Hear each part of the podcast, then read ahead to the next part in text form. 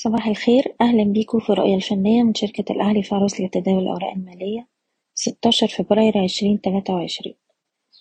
في جلسة امبارح المؤشر واصل الارتفاع قفلنا عند مستوى سبعتاشر ألف وخمسمية اتنين وعشرين بزيادة نسبية في أحجام التداول. إحنا دلوقتي بنقترب من مستوى المقاومة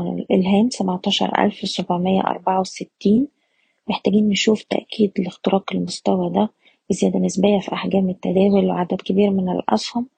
عشان في الحالة دي نستهدف مستويات التمنتاشر ألف والتمنتاشر ألف وربعمية. هنفضل على رؤيتنا دي طول ما إحنا محافظين على مستوى الدعم بتاعنا ستاشر ألف تسعمية وخمسين.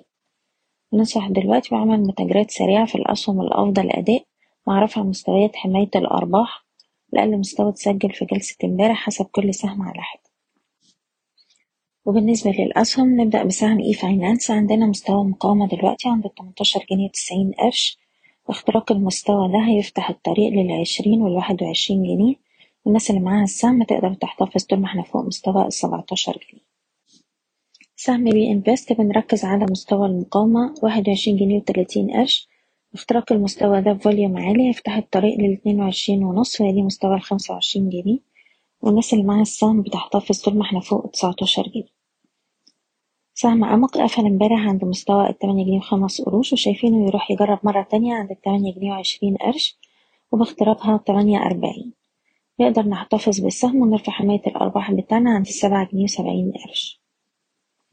حديد عز شايفين السهم بيستهدف مستوى التسعة وعشرين جنيه وتلاتين قرش وده لو قدر يأكد اختراق مستوى السبعة وعشرين سبعين. الناس اللي معاها السهم تقدر تحتفظ وترفع حماية الأرباح للستة وعشرين جنيه. سهم النساجون شايفينه بيستهدف مستويات الاتناشر والتلاتاشر وده طول ما إحنا محافظين على مستوى الحداشر جنيه. وأخيرا مصر الألمنيوم عندنا مستوى مقاومة عند الأربعة وتلاتين جنيه. بنركز على المستوى ده اختراقه هيفتح الطريق للستة وتلاتين وربع ونقدر نرفع حماية الأرباح لاتنين وتلاتين تمانين. بشكركم بتمنى لكم التوفيق. إيضاح الشركة غير مسؤولة عن أي قرارات استثمارية تم اتخاذها بناء على هذا التسجيل